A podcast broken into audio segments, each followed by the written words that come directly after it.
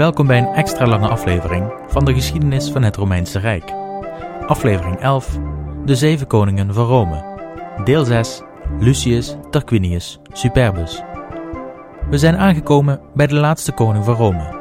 Hij luisterde naar de naam Lucius Tarquinius Superbus en laat ik zeggen dat dit een van mijn favoriete momenten is uit de Romeinse geschiedenis. Ik neem in deze aflevering mee naar een Rome dat leeft onder een schrikbewind. De angst voor het regime zorgt ervoor dat de mensen steeds meer ontevreden geraken. En wanneer de druk te hoog oploopt, zorgt ene Brutus, nee, niet de Brutus, ervoor dat het explosief uit de hand loopt.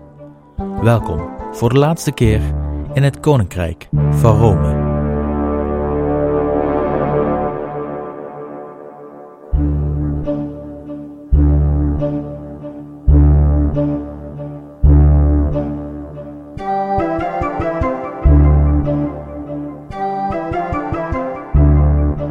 Het jaar is 535 voor Christus. Lucius Tarquinius Superbus had zojuist koning Servius Tullius van de trappen van het senatiegebouw geworpen en de troon voor zichzelf genomen. Het koningschap van Lucius werd de meest beruchte uit de Romeinse geschiedenis, en ook niet voor niets de laatste. Hij werd tijdens zijn koningschap door de bevolking van Rome vaker als tiran aangeduid dan als koning, en ondanks dat het territorium van Rome werd uitgebreid tijdens zijn koningschap, kan hij verreweg als slechtste koning worden weggezet. Of je nu senator, slaaf, grootgrondbezitter of geestelijke was, als je in kwaad daglicht stond bij de koning, kon je je klaarmaken voor een ontmoeting met Charon, de veerman van de onderwereld. Ook maken we kennis met ene Brutus.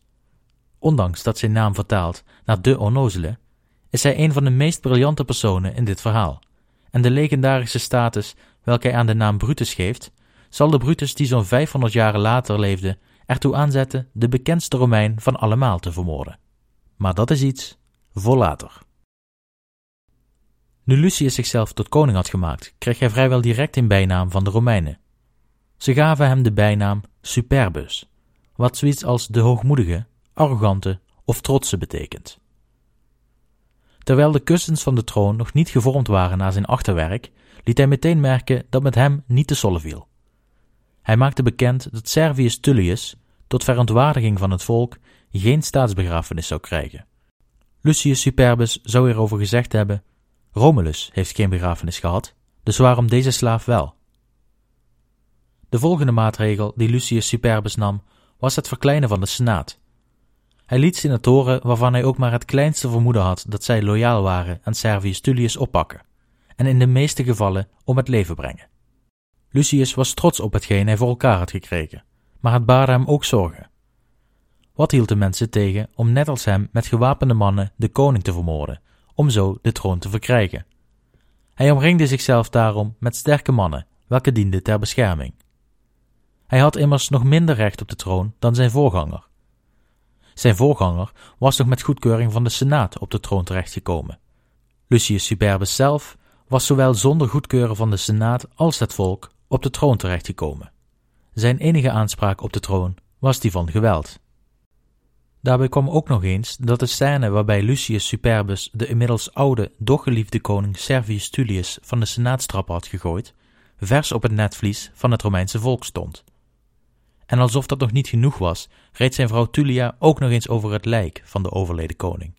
Iets waar de Romeinen schande van spraken. Zij het achter gesloten deuren de harten van het volk winnen, zoals zijn voorganger had gedaan, zat er dus niet in voor Superbus. De enige manier waarop Superbus zich kon blijven verzekeren van de troon was dan ook angst en oppressie. Een van de dingen die hij deed om angst in te boezemen bij het volk was dat hij het rechtssysteem van Rome volledig in de wind sloeg. Waar men eerst rechtszaken hield met redelijk onafhankelijke beoordelaars, nam Lucius de touwtjes in eigen handen. Zonder overleg of samenspraak met wie dan ook be- en veroordeelde hij hoe het hem zinde. Op deze manier kon hij zijn tegenstanders voor het gerecht slepen met een verzonnen beschuldiging en zonder tegenspraak iemand ter dood veroordelen, verbannen of beboeten. Hij deed het niet alleen bij personen die hij verdacht van loyaliteit aan Servius Tullius. Hij deed het ook bij personen die hij gewoon niet mocht, of waarvan hij geld of land wilde afnemen. Deze neppe rechtszaken waren vooral bedoeld om zoveel mogelijk senatoren uit de weg te ruimen. Superbus had namelijk bedacht dat hij een stop zou zetten op het opnieuw invullen van vrijgekomen plaatsen in de Senaat. Op deze manier zorgde hij ervoor dat de Senaat in grootte afnam. Eerst door de kopstukken op te ruimen en daarna de senatoren van het kleinere statuur. Superbus bleek in alles een alleenheerser. Nadat hij de Senaat in grootte had beperkt, besloot hij beetje bij beetje de macht van de senatoren ongedaan te maken. Hij was de eerste koning welke brak met het traditionele gebruik om de Senaat om raad te vragen bij moeilijke staatsaangelegenheden.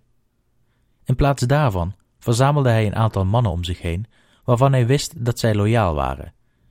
Deze kring van bekenden adviseerde de koning daar waar hij om een raad vroeg.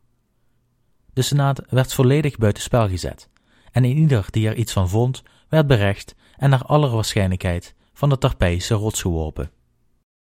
Oorlog, vrede, verdragen en allianties, ze werden gesloten of verbroken naar zijn wil. De Senaat, nog het volk, werden geraadpleegd. Het volgende aandachtspunt van Lucius Superbus was de dominantie van de Romeinen over de buursteden.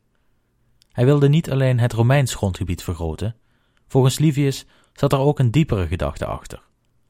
Lucius zou gedacht hebben dat het vergroten van zijn macht over meer onderdanen ervoor zou zorgen dat zijn positie steviger zou worden.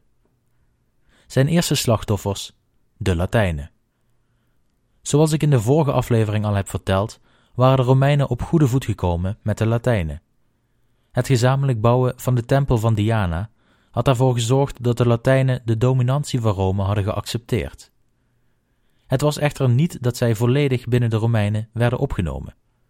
Ze behielden hun onafhankelijkheid en de dominantie van de Romeinen was vooral symbolisch, verkregen door goede diplomatie van Servius Tullius. Om de symbolische dominantie van Rome te vervangen door fysieke dominantie, bedacht Lucius een plan. En eerlijkheidshalve moet ik toegeven dat het ook nog best een goed plan was ook.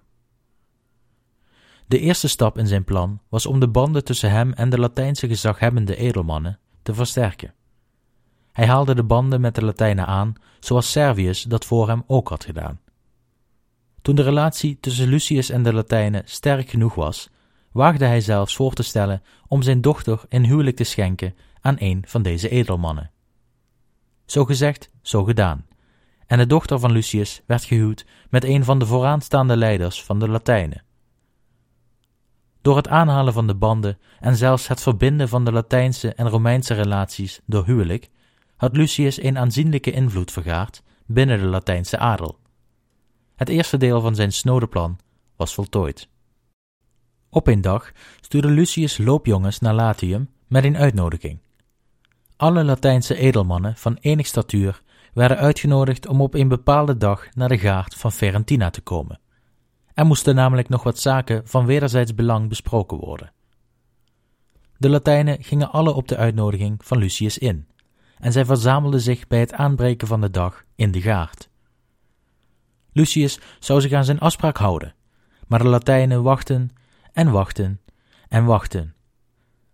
In de tijd dat de Latijnen wachten op de komst van Lucius, bediscussieerden ze vele onderwerpen. Een van deze onderwerpen werd met veel furie voorgedragen door een van de Latijnse edelmannen, genaamd Turnus Herdonius. Hij sprak furieus over de afwezige Romeinse koning. Hij zei dat het niet voor niets was dat zijn volk thuis hem bestempeld had als tiran. Had iets anders dan deze overduidelijke belediging van het Latijnse volk zijn benoeming als tiran beter naar voren kunnen brengen? De afwezigheid van Lucius was geen toevallige. Hij wilde kijken hoe ver de Latijnen zouden gaan. Wanneer zij geduldig op hen zouden wachten, wist Lucius dat hij alle kaarten in handen had en dat hij de Latijnse adel kon verpletteren onder het juk van de Romeinen. Turnus Sardonius ging intussen verder met zijn klaagzang. Hoe dom denkt Lucius wel niet dat de Latijnen zijn, om zo doorzichtig te proberen de Latijnen onder de duim te houden. Zelfs al zou zijn eigen volk hem toevertrouwen met het koningschap, de Latijnen zouden toch zeker niet vallen voor zijn toneelstuk om de Latijnen te onderwerpen. Kijk naar de Romeinen in Rome. Zelfs zij worden vermoord, verbannen, bestolen. Wat zou het lot van de Latijnen wel niet zijn, mocht Lucius slagen in zijn doorzichtige plan? Terwijl Turnus midden in zijn verhaal was, verscheen Lucius bij het ondergaan van de zon ten tonele. Turnus stopte onmiddellijk met zijn speech en de Latijnen salueerden de koning. Zich realiserend dat Lucius de Latijnen wel heel erg lang had laten wachten, gaf hij de reden prijs waarom hij zo laat was gekomen. Er was een discussie tussen een vader en zoon in Rome, welke niet opgelost kon worden zonder tussenkomst van de koning.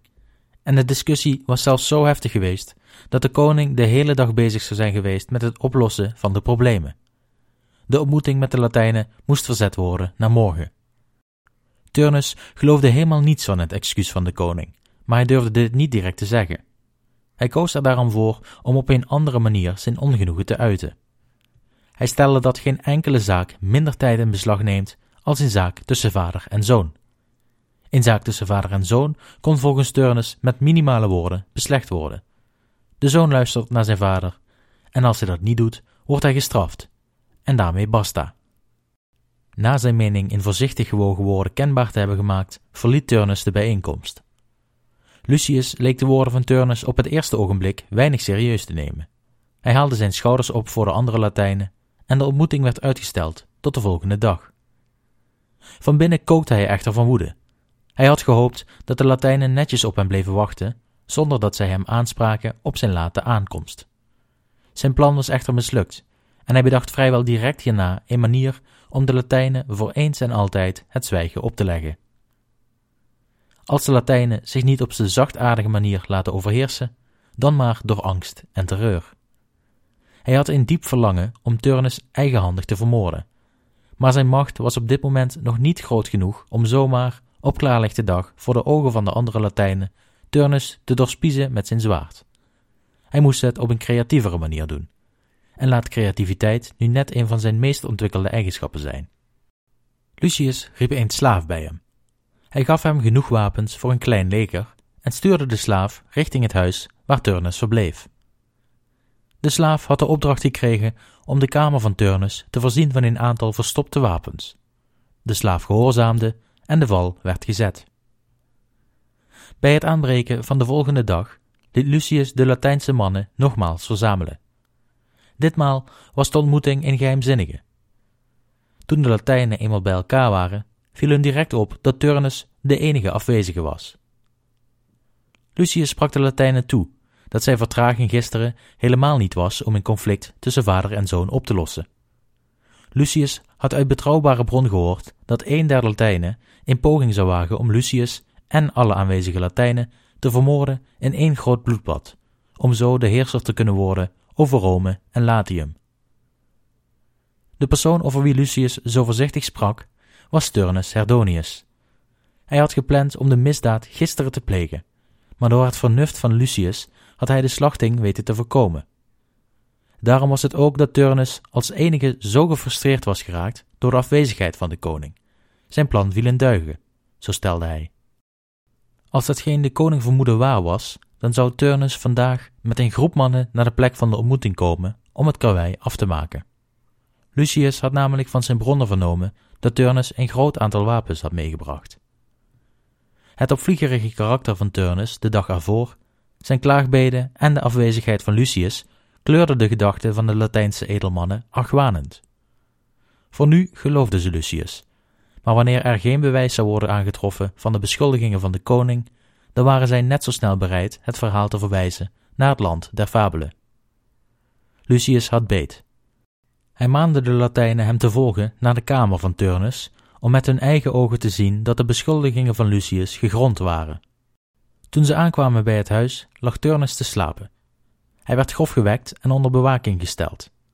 De huisslaven, welke uit loyaliteit hun meester verdedigden, werden met harde hand neergeslagen. De kamer werd overhoop gehaald en tot ieders verbazing verschenen er verschillende wapens uit alle hoeken van de kamer. De zaak leek beslecht en Turnus werd in de boeien geslagen. De Latijnse edelmannen waren overtuigd van de schuld van Turnus en er werd snel een tribunaal bij elkaar geroepen. Toen dit Latijnse tribunaal de hoeveelheid wapens voor hen kreeg, werden ze razend en zij veroordeelden Turnus tot een buitengewoon vrede dood. Turnus kreeg om zijn lichaam zakken gebonden, die gevuld waren met zware stenen. Hierna werden zijn handen en voeten gebonden en werd hij in de fontein van Festina gegooid, om nooit meer boven te komen. nadat Turnus uit de weg was geruimd, verzamelde Lucius één laatste maal de Latijnse edelmannen. Hij stelde dat in overeenstemming met het verdrag dat Servius Tullius met de Latijnen had gesloten na het bouwen van de tempel van Diana, alle Latijnen afkomstig waren uit Alba Longa, en dat zij daarom allemaal gebonden waren aan het verdrag. Lucius wilde het verdrag met de Latijnen vernieuwen, zodat de Latijnen niet meer hoefden te leven met de vernietiging van hun land door een sterkere vijand, maar konden profiteren van alle voordelen welke de machtige Romeinse staat met zich meebracht. De Latijnen hadden niet veel overtuigingskracht nodig en ze gingen akkoord met een vernieuwing van het verdrag. Ook de Latijnen werden verdeeld onder het systeem van de census, en na het verdelen van de mannen onder junioren en senioren groeide het leger van Rome in één dag naar het dubbele. Hoe repressief de koning ook was in zijn binnenlandse politiek, hij was zeker geen slechte generaal. Livius stelt dat Lucius Superbus zich gemakkelijk kon meten aan zijn voorgangers wat betreft militaire kwaliteiten. Lucius begon voor het eerst de oorlog met het volk dat verder van Rome verwijderd was, de Volsken. Deze oorlog zal na Superbus pas na 200 jaren tot een eind komen. Lucius wist een van de Volskische steden te plunderen, en van de oorlogsbuit welke hij hier buit maakte, financierde hij projecten in de stad Rome. Hierna nam hij wederom de wapens op tegen een naburige stad. Ditmaal was de stad Gabi aan de beurt.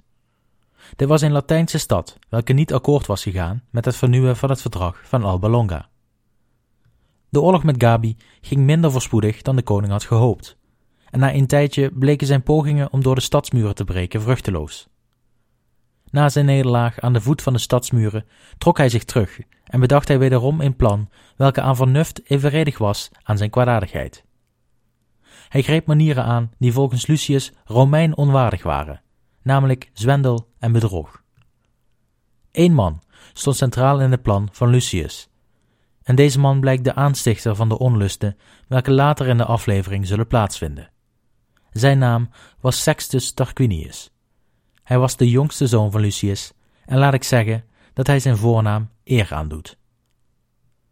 Volgens het plan van Lucius vertrok Sextus als vluchteling naar de stad Gabi.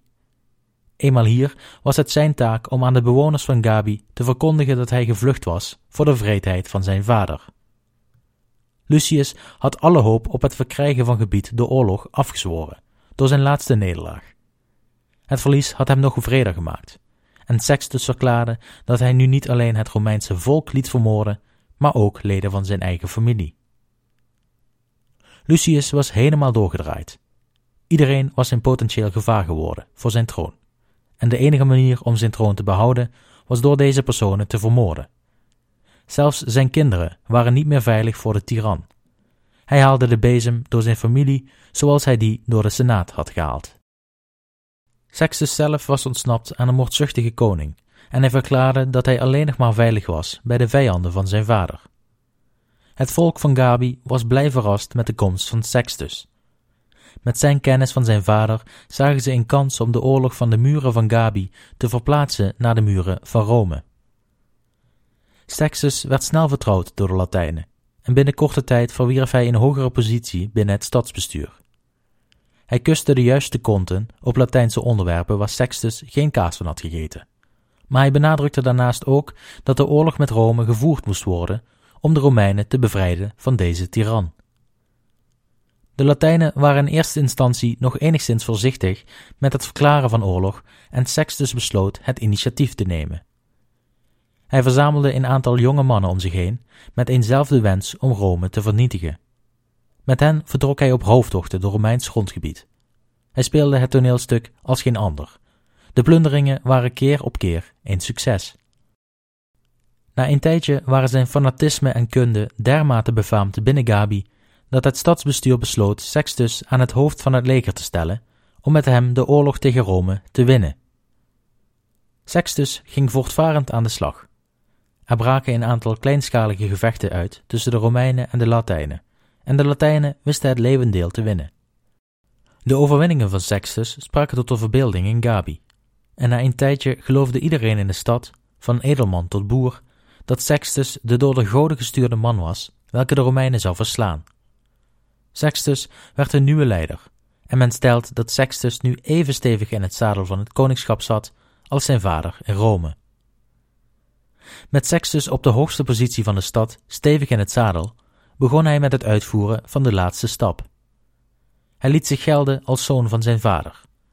Allereerst voorzichtig te werk gaand, maar al snel roekeloos zoals zijn vader daarvoor ook had gedaan. Het stadsbestuur van Gabi werd gezuiverd van hoge, gezaghebbende mannen. Er werden neppe beschuldigingen gestrooid en een groot deel werd opgepakt en vermoord of verbannen. Anderen vielen ten prooi aan hun eigen impopulariteit, en binnen de kortste keren was met Gabi hetzelfde gebeurd als met Rome. De stad was volledig in handen van een Tarquinius. Toen Gabi volledig gezuiverd was van anti-Tarquinius, stuurde Sextus simpelweg berichten naar Rome dat de klus geklaard was. En Gabi werd zonder het vloeien van ook maar één druppel bloed overgedragen aan Lucius Tarquinius Superbus. Na het verkrijgen van Gabi maakte Lucius vrede met de omringende volkeren waarmee hij oorlog had gevoerd, en het verdrag met de Etrusken werd vernieuwd. Nu had hij tijd om zich te richten op de bouwprojecten in de stad. Hij had namelijk het verlangen om een tempel aan Jupiter te bouwen, welke bestand zou zijn voor de duizenden jaren dat Rome zou heersen over de wereld. Het was de tempel waarvan het bouwen reeds onder Lucius' vader, Tarquinius Priscus, was begonnen. De tempel welke Romulus had beloofd te bouwen tijdens de oorlog met de Sabijnen. De plannen van zijn vader waren echter niet rigoureus genoeg, zo vond Lucius. De tempel moest veel groter. Het moest de verpersoonlijking zijn van zijn naam en van zijn heerschappij. Hij besloot het gebied waar de tempel gebouwd moest worden uit te breiden. Feit was echter dat het gebied reeds bebouwd was met tempels van allerlei goden, sommige zelfs zo oud dat zij gebouwd waren door Romulus en Tatius ter verbroedering van de band tussen Latijnen en Romeinen. Tegen het zere been van zowel Latijnen als Romeinen liet Lucius al deze tempels vernietigen, ten faveur van zijn eigen tempel aan Jupiter. De bouwplannen van Lucius waren nu zo groot geworden dat de oorlogsbuit van de afgelopen oorlogen niet eens de basis van het bouwsel konden bekostigen. Het budget raakte op en de tempel was nog lang niet af. Lucius liet werklui uit Etrurië komen om de tempel te bouwen. Hij gebruikte niet alleen geld uit de staatskas, maar daarnaast verplichtte hij Romeinen van de laagste klasse om mee te helpen met de bouw van zijn prestigeproject. De Romeinen klaagden weliswaar mondjesmaat over deze verplichte arbeid, maar de tempel sprak velen van hen tot de verbeelding, en de wens het af te zien woog zwaarder dan het fysieke ongemak. Lucius kreeg echter de smaak te pakken, en deze goedkope arbeiders brachten hem in de gelegenheid het Circus Maximus te voorzien van rijen marmeren banken. Oh ja, het Romeinse riool benodigde ook nog werkzaamheden, dus dat moeten jullie ook nog even doen. Na het voltooien van de laatste twee genoemde projecten vond Superbus dat de nu werkeloze arme burgers een belasting waren voor de stad in plaats van een verrijking. Hij besloot het leeuwendeel Rome uit te sturen, op weg kolonies te stichten in steden in de buurt. Terwijl hij bezig was met het vullen van de koloniën, deed zich een schrikbarende voorspelling voor. Vlak voor het paleis gleed er een slang uit een houten zuil tevoorschijn. De mensen in de buurt koppelden de slang direct met slechte voortekens en zij vluchtten weg van de slang, het paleis binnen. Lucius deed voorkomen alsof het voorteken hem niets deed, daar hij geen bang aangelegd persoon was. Echter schrok hij wel degelijk van het schepsel. Het zou wel eens iets anders dan toeval kunnen zijn dat dit wezen verscheen voor het paleis. Zijn familie was wellicht in gevaar. Normaliter werden dit soort voortekenen gelezen door voorspellers uit de stad zelf. Als het echt moeilijk werd, werden de Etruskische geestelijken gevraagd voor raad. Maar deze keer wilde Lucius het zekere voor het onzekere nemen. Hij wilde het voorval voorleggen aan het meest bekende orakel ter wereld: het orakel van Delphi. De tocht naar Delphi was een gevaarlijke. Het orakel lag diep in Griekenland en de zee tussen Italië en Griekenland was een nog onbekende. Om er zeker van te zijn dat het orakel geraadpleegd zou worden, stuurde hij zijn twee oudste zoons op pad. Het waren Titus en Arens Tarquinius, welke op weg gingen naar Griekenland. Echter werd er nog iemand meegezonden met de twee broers. Het was de zoon van konings zuster Tarquinia, genaamd Lucius Junius Brutus. Brutus was een jongeman met een heel ander karakter dan hij liet blijken. Toen hij doorkreeg dat zijn oom de meest gezaghebbende burgers liet ombrengen, en toen zijn eigen broer door eenzelfde plot om het leven werd gebracht, besloot hij ervoor te zorgen dat men in zijn geest niets meer zou vinden om bang voor te zijn, en in zijn fortuin niets meer om te begeren. Hij zocht veiligheid in verachting. Hij speelde met opzet de rol van onnozelaar, en liet rustig toe dat hij zelf en zijn bezittingen ten prooi vielen aan de tyrannieke koning. Ook zijn bijnaam Brutus, wat de onnozele betekent, liet hij rustig over zich heen komen. Onder de dekmantel van deze naam zou deze grote geest, de bevrijder van het Romeinse volk, in het verborgene zijn tijd afwachten. Livius schrijft dat Brutus voor zijn tocht naar Delphi een gouden staf meesmokkelde in een houten omhulsel, om deze te schenken aan de god Apollo, de reddende god, als een symbool voor de persoon van Brutus zelf. De reis naar Delphi verliep voorspoedig. De twee broers Statius en Arens namen de leiding en Brutus was meer aanwezig om bespot te worden dan als daadwerkelijke metgezel. Eenmaal aangekomen bij het orakel voerden de twee broers de opdracht van hun vader uit. Na het uitvoeren hiervan konden de twee broers de verleiding in hun beider gedachten niet langer weerstaan. Ze vroegen het orakel wie van de drie zonen van Lucius hun vader zou opvolgen. Uit een duistere grot kwam antwoord. De opperheerschappij over Rome zal diegene van u bezitten welke als eerste zijn moeder zal hebben gekust. De twee broers besloten het antwoord geheim te houden, zodat hun broer Sextus, welke in Rome verbleef, niet te horen zou krijgen over de voorspelling. De twee broers maakten onder elkaar uit wie van hen als eerste een kust mocht geven aan hun moeder. Brutus gaf echter een andere invulling aan de woorden van het orakel. Hij deed zijn naam met voorbedachte raden eer aan en hij liet zichzelf onhandig struikelen over zijn eigen voeten. Toen hij viel, raakte hij met zijn lippen de grond en hij kuste de aarde, in overtuiging dat de aarde de gemeenschappelijke moeder was van alle stervelingen. Nadat Brutus voor de zoveelste keer werd uitgelachen, vertrokken de drie terug naar Rome. In Rome waren de voorbereidingen aan de gang voor een oorlog met de Rutuliërs. De Rutuliërs woonden in een gebied dat bekend stond als Ardea. Ze waren een volk dat voor die tijd en die streek als zeer welvarend werden geacht. Ze waren machtig en bezaten veel rijkdommen. Dit was dan ook de reden dat Lucius had bepaald dat hier de oorlogsbuit vandaan moest komen, om zijn prachtige bouwplannen te kunnen realiseren. Ook wilde hij tegemoetkomen aan de armen van Rome. Zij waren al gekant tegen zijn heerschappij, omdat hij hen zo lang als werklui voor het verrichten van slavenarbeid in dienst had gehouden. Hij was van plan een deel van de oorlogsbuit uit te delen aan de arme bevolking om ze tevreden te stellen. De koning had zijn leger klaargemaakt voor de strijd, en zij vertrokken naar Ardea. De stad Ardea bleek net als Gabi niet in één dag in te nemen. De gevechten rond de stad waren zwaar geweest voor de Romeinen, en toen ze dan eindelijk met pijn en moeite vorderingen maakten tegen de Rutuliërs, trokken zij zich simpelweg terug achter de hoge, sterke muren van de stad. De stad bleek zeer moeilijk in te nemen, en aangezien de koning niet wilde riskeren dat hij zijn leger verloor bij een poging de stad binnen te dringen, besloot hij dat de beste tactiek die van geduld was. Hij liet Ardea omsingelen door zijn leger en hij zette kampen op. Niets of niemand kon van of naar de stad. Lucius was van plan de stad te laten uithongeren. De troepen van Lucius waren nu de belegeraar van de stad Ardea, waar de Romeinse legers normaal gewend waren man tegen man te vechten tot een der partijen zich ofwel overgaf ofwel volledig vernietigd was. Wachten tot de buitengewoon fortuinlijke stad uit zou hongeren was, laat ik zeggen, andere koek. Het was dan ook snel dat de Romeinse troepen zich begonnen te vervelen. En zoals dat gaat bij belegeringen, de troepen zijn over het algemeen vrijer in hun bewegingen.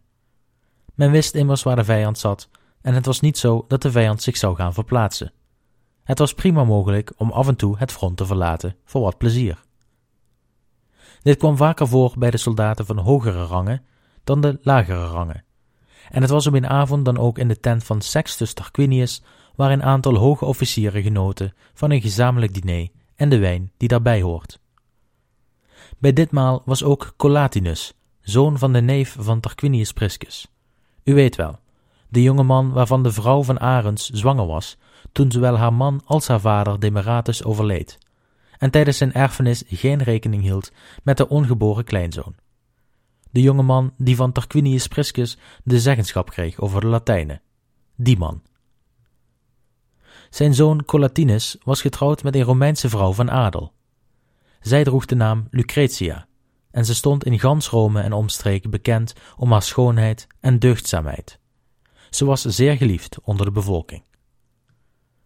Toen in de tent van Sextus het onderwerp toevalligerwijs kwam te liggen op wie van de prinsen de mooiste vrouw had, werd de discussie al snel een van fellere aard. De mannen probeerden door stemverheffingen elkaar te overstemmen en te overtuigen van de schoonheid van hun vrouw. Colatius had zich stilgehouden toen hij ineens sprak dat al de woorden zojuist gesproken overbodig waren. Binnen enkele uren zouden ze kunnen weten hoezeer zijn Lucretia uitblonk boven de andere vrouwen. We zijn in de kracht van onze jeugd. Waarom stijgen we niet te paard om in eigen persoon te gaan zien hoe het onze vrouwen gesteld is? Voor elk van ons moet toch als betrouwbaarste test gelden datgene wat hij te zien krijgt bij een onverwachte thuiskomst van de echtgenoot. De mannen riepen in koor onder invloed van een teveel aan wijn hun goedkeuren uit en ze zetten de sporen in hun paarden en haasten zich spoedig naar Rome. Hier kwamen ze aan net voordat de nacht viel. Eerst waren de mannen langs het koninklijk paleis gereden om de vrouwen van Sextus, Titus en Arens vermaakt te zien worden tijdens een feest door hen zelf georganiseerd. De dames leefden buitensporig luxueus en deden zich te goed aan een feestmaal samen met andere vooraanstaanden. Toen vertrokken de mannen naar Collatina, de stad waar het huis van Collatius en Lucretia stond. Eenmaal daar zagen zij dat Lucretia een heel andere avond beleefde. Ze zat ijverig te spinnen en haar slavinnen zaten in het kaarslicht om haar heen te werken, in het binnenste vertrek van het huis. De eerste prijs van de wedstrijd in vrouwelijke deugden kwam haar toe. Lucretia ontving haar echtgenoot en de zoon de Tarquinius hartelijk, en de trotse Colatius nodigde hen uit om te blijven dineren. Sextus zag de ongeëvenaarde schoonheid van Lucretia en haar verheven vrouwelijke deugdelijkheid, en er maakte een rampzalig verlangen zich meester over Sextus. Sextus wilde Lucretia door middel van geweld bezitten. Haar schoonheid en beproefde kuisheid prikkelden hem. Hij viel volledig ten prooi aan zijn gewelddadige instincten. Voorlopig keerden de mannen echter terug naar hun kamp rond Ardea. Enkele dagen erna vertrok Sextus, zonder medeweten van Colatius, samen met een metgezel richting Colatia. Hij ging op bezoek bij Lucretia, waar Sextus door de huisslaven gastvrij werd binnengelaten. Ze hadden geen idee van zijn snode plannen. Hij genoot van een avondmaal en toen iedereen voldaan was, vertrokken Sextus en zijn metgezel naar de gastenkamer. Toen iedereen in het huis leek te slapen en de kust veilig leek, liet Sextus zijn verlangen de vrije loop. Hij kon zijn instincten niet langer de baas blijven, daar hij zich al lang had neergelegd bij hetgeen komen gaat. In zijn razernij van verlangen nam hij zijn zwaard en hij sloop de kamer van de slapende Lucretia binnen. Hij plaatste zijn linkerhand op de borst van Lucretia, welke hierdoor wakker schrok. Wees stil, ik ben het, Sextus Tarquinius, en ik draag een zwaard. Als je ook maar één woord zegt, zal ik je doden. Toen Lucretia door angst was ontwaakt en zag dat er niemand in de buurt was om het stommelen te horen, laat staan haar te helpen, sprak Sextus verder. Toen begon Tarquinius zijn liefde te verklaren. Hij bekende zijn verlangen, hij begon te smeken, dreigementen en smeekbeden door elkaar te uiten. Hij deed alles om haar vrouwenhart te overrompelen. Toen Sextus merkte dat Lucretia standvastig was en dat zelfs angst voor de dood haar niet aan het wankelen kon brengen, ging hij nog verder in zijn dreigementen. Hij zei dat wanneer hij klaar was met Lucretia, hij haar zou vermoorden. Daarna zou Sextus ook een huisslaaf vermoorden en deze ontdoen van zijn kleding en naakt naast Lucretia neerleggen, zodat heel Rome zou weten dat de o zo geliefde en deugdelijke Lucretia zich liet bevuilen door een slaaf. Dit dreigement trof eindelijk doel. De vastberaden kuisheid van Lucretia zwichtte voor het geweld en hartstocht van Sextus. Na Lucretia te hebben verkracht, verliet Sextus het huis in een overwinningsroes zoals hij deze nog nooit eerder gevoeld had. Lucretia werd overweldigd door verdriet van de angstaanjagende verkrachting en ze stuurde direct bericht naar haar vader in Rome en naar Colatius in Ardea, met het verzoek zo snel mogelijk naar Colatia te komen. Ze vroeg hen een betrouwbare vriend mee te nemen. De tijd om te handelen was aangebroken. Er was iets vreselijks gebeurd. Haar vader Spurius Lucretius nam zijn vriend Publius Valerius mee naar het huis. En Colatius verscheen met Lucius Junius Brutus, met wie hij toevalligerwijs onderweg was toen het bericht van Lucretia hem bereikte. Ze vonden Lucretia triest op de rand van haar bed. Bij binnenkomst van de mannen brak ze in tranen uit. Toen Colatius geschrokken vroeg of alles wel goed was met Lucretia, riep ze uit: Nee. Hoe kan het goed gaan met een vrouw welke net haar eer is afgenomen? Je bed is bezoedeld door een vreemdeling. Maar ik beloof je dat alleen mijn lichaam is onteerd. Mijn ziel is puur gebleven. Mijn dood zal dit beamen. Geef me jullie plechtige woord dat de verkrachter niet ongestraft zal blijven. Het is Sextus Tarquinius, welke aan huis kwam als vijand in plaats van gast. Hij heeft me gedwongen mijn kuisheid en deugdelijkheid op te geven voor zijn verzadiging. Een verzadiging welke mij fataal is geworden. En als jullie mannen zijn, ook fataal voor hem. Het is aan jullie om ervoor te zorgen dat hij gestraft zal worden. Ondanks dat ik de ontering niet aan mezelf wijd, pleit ik mezelf niet vrij van de straf. Geen onkuise vrouw zal voortaan leven naar het voorbeeld van Lucretia. Met deze woorden haalde Lucretia een verstopt mes onder haar gewaad tevoorschijn, en met dit mes doorboorde ze, voordat iemand iets kon doen, haar hart. Stervend zakte ze ineen, haar vader en echtgenoot wanhopig van verdriet achterlatend. Dit zou het moment worden dat Brutus zijn bijnaam de onnozele voor altijd van zich afschudde. Hij nam het mes uit de wond van Lucretia, en terwijl het bloed van het zwaard druppelde, hield hij het mes omhoog. Bij dit bloed, het zuiverste van al totdat een prins het bezoedelde, zweer ik en maak ik u, goden, tot mijn getuige, dat ik Lucius Tarquinius Superbus met zijn misdadige vrouw en al zijn kinderen met vuur en zwaard en elke vorm van geweld zal vervolgen, en niet zal dulden dat een van hen of ook maar iemand anders ooit koning zal zijn van Rome. Hij gaf het mes door aan Colatius en vervolgens aan Lucretius en Valerius. Ze waren allemaal uitermate verbaasd over dit wonder. Wat was er gebeurd met de Brutus die zij kenden? Ze accepteerden de eed zoals Brutus het hen had voorgeschreven, en hun verdriet sloeg om in woede toen Brutus hen opriep om tot onmiddellijke vernietiging van het koningschap over te gaan. De mannen droegen het lichaam van Lucretia met zich mee naar buiten, en ze liepen met haar lichaam naar het forum van de stad. Hier riepen ze luidkeels wat de Tarquiniërs hadden gedaan met Lucretia, en de verbeelding van de misdaad zorgde ervoor dat er direct een grote groep burgers om hen heen verzamelde om te zien of wat er geroepen werd ook wel echt gebeurd was. Toen zij het lot van Lucretia zagen, begonnen sommige mannen hun eigen oneenigheden met het koningshuis uit te roepen. Iedereen had zijn eigen redenen om een hekel te hebben aan de monarchie. En nu dit? Iedereen sprak schande van de daad van Sextus, en de tranen van de vader van Lucretia deed veel losmaken. Wat nog meer losmaakte, waren de woorden die Brutus uitsprak. Hij laakte de tranen en het geklaag van de mannen. Hij riep ze op om het enige te doen dat mannen van de grote staat Rome verplicht waren om te doen: de wapens opnemen tegen diegene die het had gedurfd hen als vijanden te behandelen.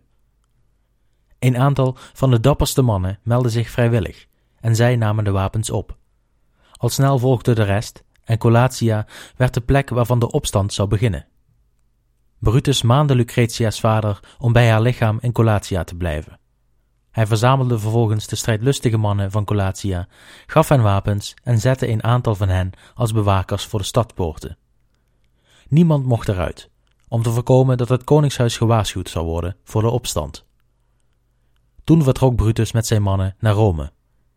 Toen de groep gewapende mannen aankwamen in Rome, wekte zij schrik en ontsteltenis op bij de bevolking. Ze zagen echter Colatius en Brutus vooraan marcheren, toch twee vooraanstaande figuren in Rome, en langzaam werd duidelijk dat deze actie, wat deze ook inhield, bepaald niet zonder bedoeling plaatsvond. Brutus marcheerde naar het forum en sprak over de gruwelijke misdaad begaan door het koningshuis.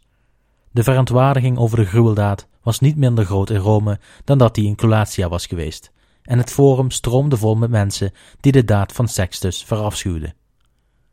Brutus nam wederom zijn leidende rol aan en gaf een reden welke allemin strookte met de beperkte geestelijke en verstandelijke vermogens die hij tot dusverre had voorgewend. Hij sprak over de bruutheid van Sextus Tarquinius, waarmee hij Lucretia had onteerd, haar betreurenswaardige dood en over het zware verlies van haar vader. Daarna herinnerde hij de bevolking aan de trots en arrogantie van Lucius Tarquinius Superbus en de nood en ellende van het lagere volk, dat in goten en riolen had moeten duiken om deze uit te diepen. Van de Romeinen, overwinnaars van alle omringende volkeren, had hij in plaats van krijgers werklui en steenhouwers gemaakt. Hij noemde de schandelijke moord op Servius Tullius en de weerzinwekkende daad van zijn eigen dochter, die met haar vervloekte rijtuig over haar vaders lichaam was gereden. Hij riep de goden die misdaden tegen ouders straffen aan, en hij noemde alle gebeurtenissen die hem te binnen schoten. Zijn reden was dermate overtuigend dat hij het volk op zijn hand kreeg, en hij overtuigde hen van de eed die hij had afgelegd samen met Colatius en de anderen. De Romeinen zworen het koningschap af en zij zouden het koningshuis verbannen van de stad. Brutus verzamelde de aanwezige jongere mannen en voorzag ook hen van wapens. Hij zou met hen naar Ardea marcheren om hier het leger tegen de koning in opstand te laten komen. Hij liet Lucretius achter in Rome om de stad voor nu te besturen. In het rumoer dat in de straten ontstond, vluchtte koningin Tullia het paleis uit. Ze had door wat er gebeurde en tijdens haar vlucht werd ze door iedere Romein die ze tegenkwam, zowel man als vrouw, nageroepen, beledigd en bovenal vervloekt voor haar daden. De wraak van haar vader werd over haar uitgestort. Toen het nieuws van de opstand het kamp rond Ardea bereikte, spoedde de koning bij het vernemen van het nieuws met een kleine groep soldaten naar Rome, om de opstand neer te slaan. Brutus wist dat de koning onderweg was en hij zorgde ervoor dat hij de koning niet tegen zou komen. Via een andere weg ging hij in de tegengestelde richting van de koning, naar Ardea. Koning Superbus kwam aan bij de stad en stond voor een gesloten poort. De mededeling van zijn en zijn families verbanning werd hem schreeuwend medegedeeld vanaf de muur. In Ardea begon Brutus nogmaals met zijn reden over wat er met Lucretia was gebeurd. Het leger begroette Brutus hierna als de bevrijder en de zonen van Lucius moesten uit het kamp vluchten voor hun leven. Titus en Arens Tarquinius gingen, net als zijn vader, naar de Etruskische stad Care. Sextus vluchtte echter naar Gabi, welke hij als zijn persoonlijke koninkrijk zag.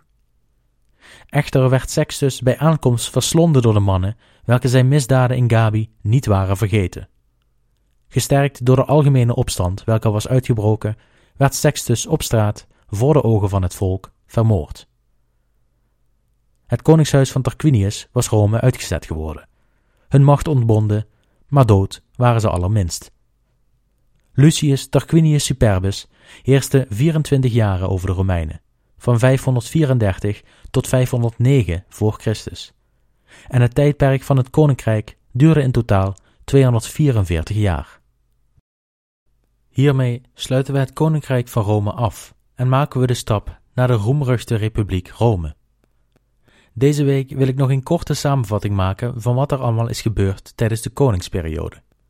Ik zal een aantal kanttekeningen plaatsen bij het verhaal en ik geef een inleiding van de Republiek. Wat staat er ons allemaal te wachten? Mag ik jullie ook nog eens wijzen op de website de geschiedenis van het Romeinse Rijk.blogspot.com. Ik plaats bij iedere aflevering informatie over wat ik verteld heb en met plaatjes en kaarten hoop ik het verhaal te kunnen verduidelijken. Ik zal hier ook mededelingen plaatsen met betrekking tot de podcast, wanneer de volgende aflevering uitkomt en dergelijke. Bij iedere aflevering staat er een link van de website in de beschrijving. Op- of aanmerkingen kunnen hier ook geplaatst worden. Deze aflevering heeft langer geduurd dan normaal en ik hoop dat u dit niet als vervelend heeft ervaren. Er waren simpelweg te veel verhalen waarvan ik vond dat deze niet weg konden blijven. Voor diegenen die het tot het einde van deze aflevering hebben gehaald, hartelijk dank voor het luisteren en tot volgend weekend.